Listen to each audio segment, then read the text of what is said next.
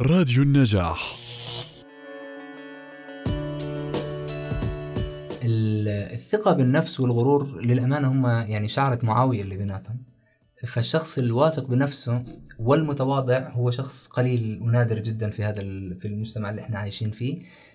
لكنه موجود وقادر على إنه إحنا نبني شخصيتنا آه، تكون بهاي الطريقة. ميزة أو الفرق بين الشخص اللي عنده غرور والشخص اللي ما عنده غرور هو في تحمل الإحباطات.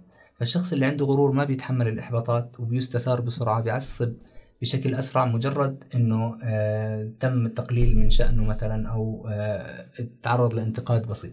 أما الشخص اللي يمتلك درجة من تقدير الذات والثقة بالنفس آه بدون غرور فهو شخص متعود على الانتقاد آه، ما تعرضه للانتقاد لا يؤدي إلى المشاعر العصبية أو الغضب أو ما شابه ذلك بالعكس هو بيأخذها بمنحى إيجابي وبيبلش يفكر كيف أنا ممكن أنمي نفسي ممكن يكون هذا الانتقاد صحيح أو مبني في خيارين. الخيار الأول انه يكون هذا الانتقاد اللي انتقدوني فعلا صحيح وموجود بشخصيتي وأنا محتاج أنميه أو هذا الانتقاد اللي هم قاموا فيه آه، بيعبر عن ذواتهم ما بيعبر عني. فبياخذ الموضوع بمحاكمة عقلية كاملة ما بياخذه بشخصنة ما بياخذه بعصبية وغضب. وهذا الفرق إذا أنت كنت شخص عندك غرور حتعصب بسرعة من مجرد انتقاد بسيط.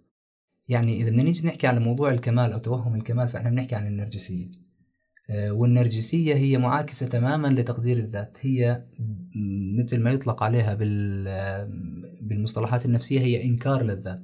فبالتالي هي غطاء وكفر إحنا بنعمله على حالنا لحتى نظهر للناس قديش إحنا أقوياء بالمقابل لا إحنا ضعاف جدا من جوا هشين جو من جوا. آه وليس إنه تقدير زائد للذات. بالعكس هو إنكار للذات.